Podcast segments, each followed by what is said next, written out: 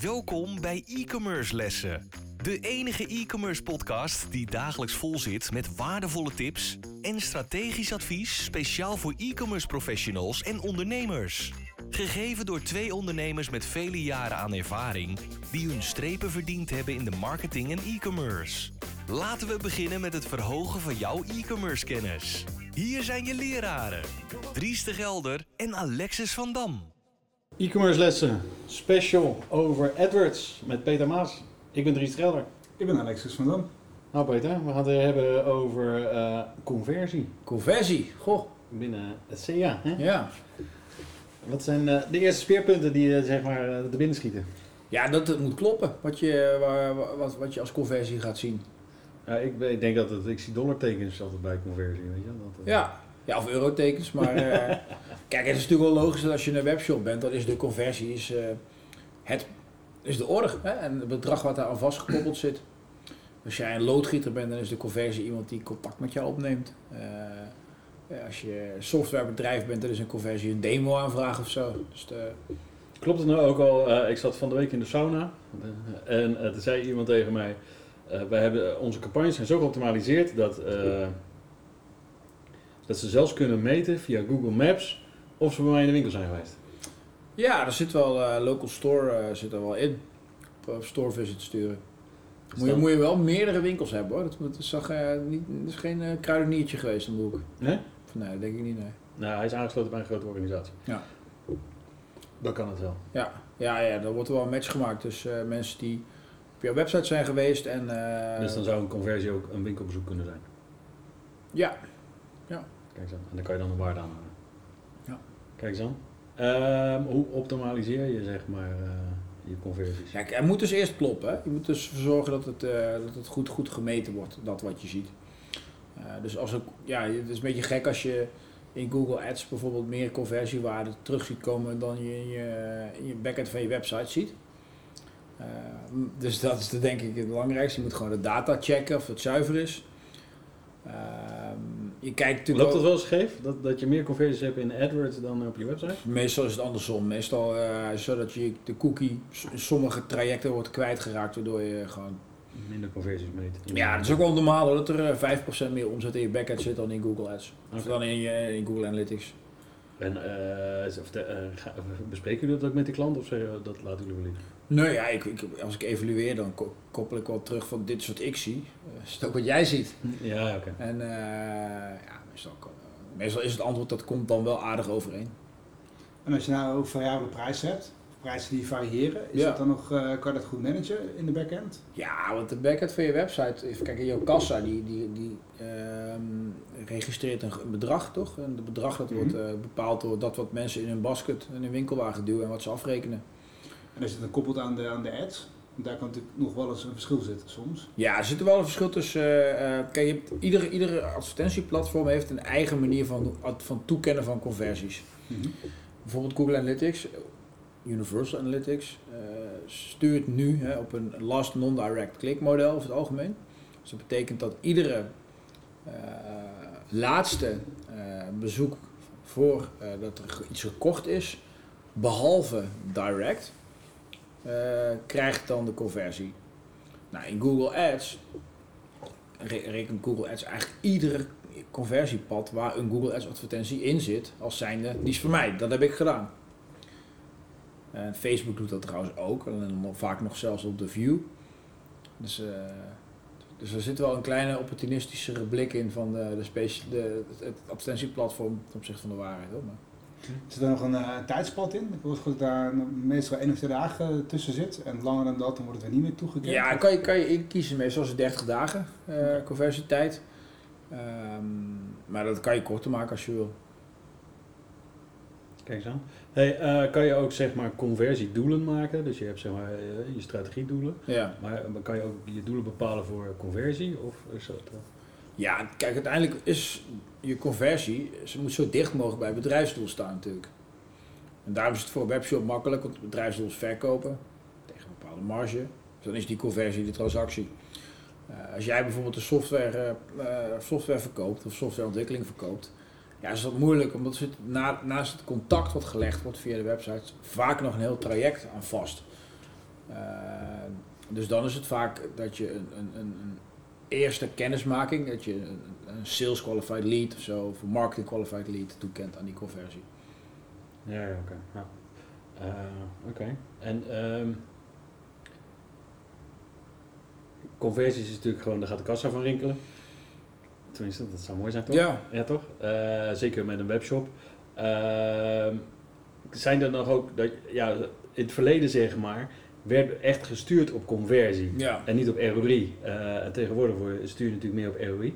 Ehm, als je dan gaat kijken naar, ehm, eh, ik weet niet meer wat ik wil zeggen, maar mooi verhaal. Hoe krijg je meer conversies? Laat ik het dan zo zeggen.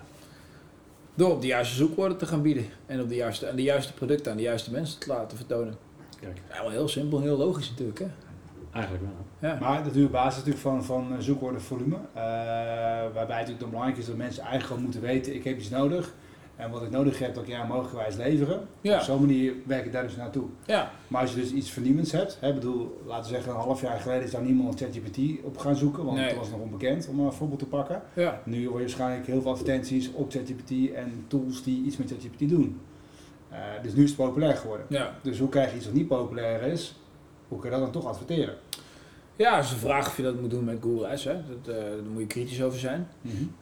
Ehm, ChatGPT is natuurlijk een eh, AI-tool die kan helpen met het schrijven van teksten. Dus ik denk wel dat er voordat ChatGPT eh, bekend werd, dat mensen zochten op eh, AI-tool voor teksten. Mhm. Dus daar had je op kunnen adverteren. Hè. Maar dan is er al een markt, zeg maar. Als er nou nog geen markt is en niemand zoekt op, jou, ehm, op jouw product, ja, kan je kijken of, je, of mensen zoeken op het probleem wat jouw product oplost. Ja, dus ehm, probleem van ChatGPT zou kunnen zijn: teksten schrijven kost, veel tijd, kost me veel te veel tijd. Wat nu? Ja, dan kan je dus gewoon daarop adverteren, of daarop, daar eh, eh, advertentieruimte op inkomen en eh, daarop inspelen. Zeggen, nou, je moet dus maar mijn tool moet je gebruik gaan maken. Oh ja. Ja, als, een, als, er, ja, als er ehm, ook geen probleem is en mensen hebben dat probleem niet, of uiten dat probleem niet in, ehm, in, in Google, ja, dan kun je natuurlijk afvragen hoe groot je kans van slagen überhaupt is. Eh, maar misschien is het een, latent probleem waarvan ze niet weten dat het een probleem is, maar als je ze erop attendeert terwijl het een probleem is, en, en dat is- dat zou kunnen. dan moet je eigenlijk misschien gaan kijken naar andere platformen dan, eh, dan, eh, dan een zoekmachine.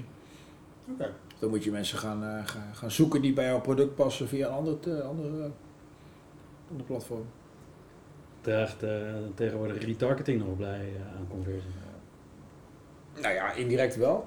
Ja. Is dat nog een veel gebruikte? ja, kijk, zeker als je producten verkoopt. En, ehm, mensen hebben dat productje in de winkelwagen gelegd. Nou, dan kan je ze nog een keertje een paar keer eh, confronteren met hetzelfde product via een ander kanaal.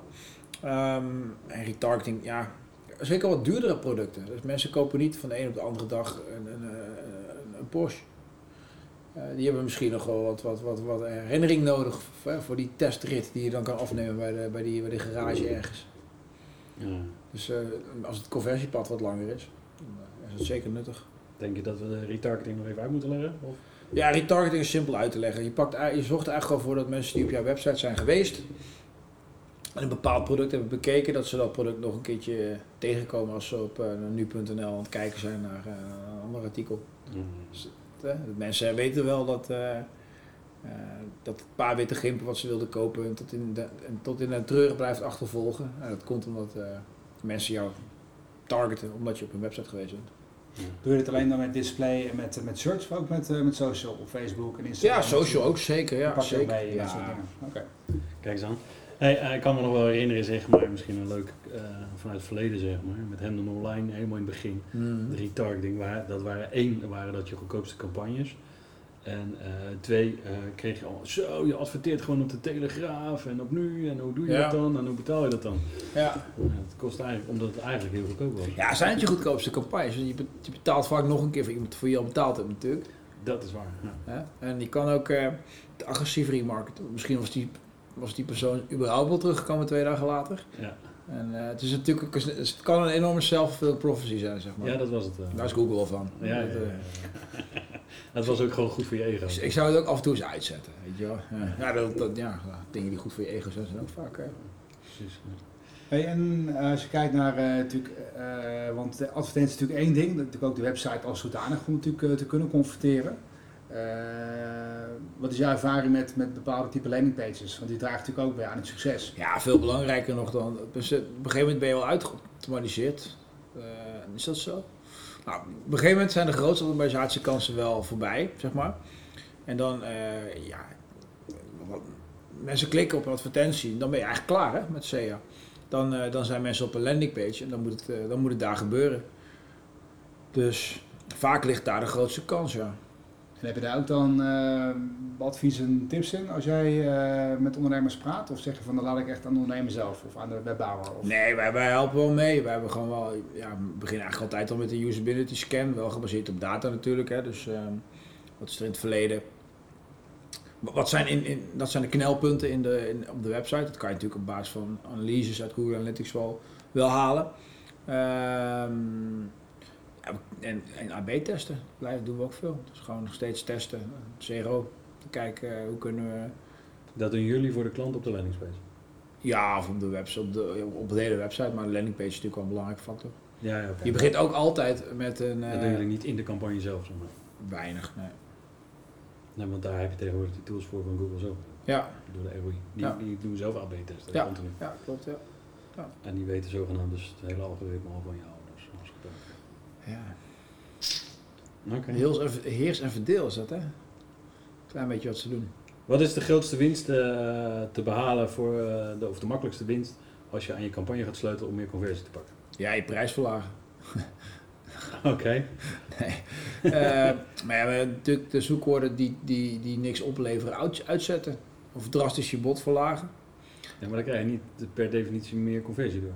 Ehm ja, hangt er dus ook weer vanaf. Hè? Als zoekwoorden met een hoge conversie nog marktaandeel over hebben, dan investeer je gewoon simpelweg 2 euro van, of, of 100 euro van een zoekwoord wat slecht is in een zoekwoord dat goed is.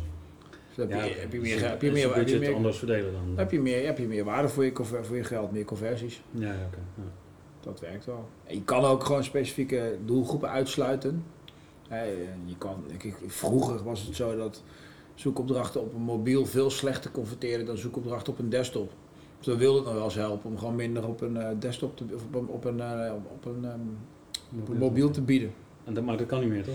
Ja, kan wel, maar kijk, meeste betalen is makkelijker op mobiel. Mensen durven dat wat makkelijker, dus het maakt niet zoveel meer uit.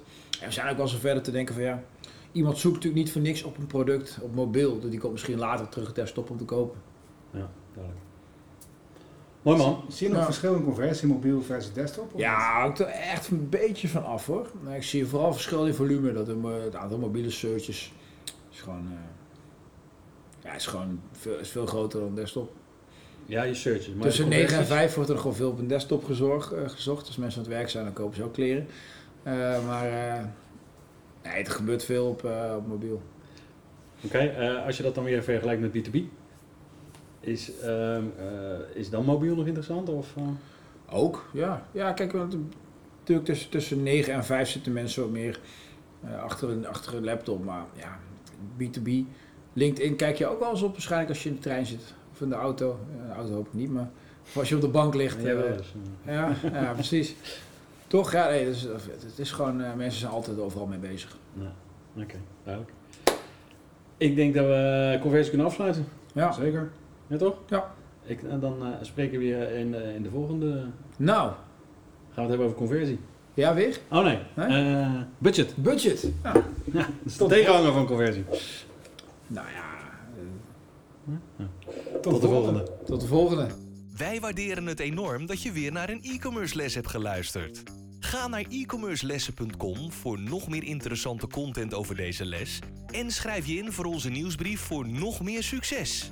Vergeet absoluut geen review te schrijven en je te abonneren op onze lessen. Einde les. E-commerce studenten, jullie kunnen de klas verlaten en vergeet de volgende lessen niet voor nog meer geweldige e-commerce resultaten.